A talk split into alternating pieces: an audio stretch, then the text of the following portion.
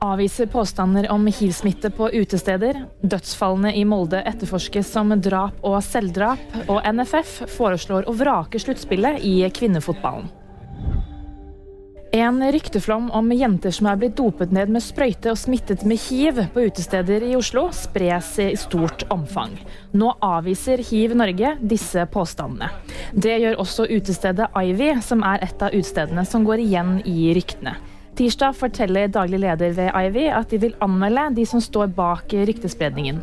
Sjansen for at noen skal være smittet med hiv gjennom denne metoden er lik null, sier generalsekretær Anne Karin Kolstad i Hiv Norge. Dødsfallene i Molde etterforskes som drap og selvdrap. Det opplyser politiet i en pressemelding. Det var torsdag forrige uke at en eldre mann og en kvinne ble funnet døde på en adresse i Molde. Den avdøde mannen har nå fått status som siktet i saken. Norges Fotballforbund dropper det svært omdiskuterte sluttspillet i toppserien for kvinner. Det melder NRK. Kanalen skriver onsdag at NFF-styret har blitt enige om en såkalt trippel seriemodell, hvor sluttspillet skal kuttes. VG-nyhetene fikk du av meg, Anna Julie Bergesen.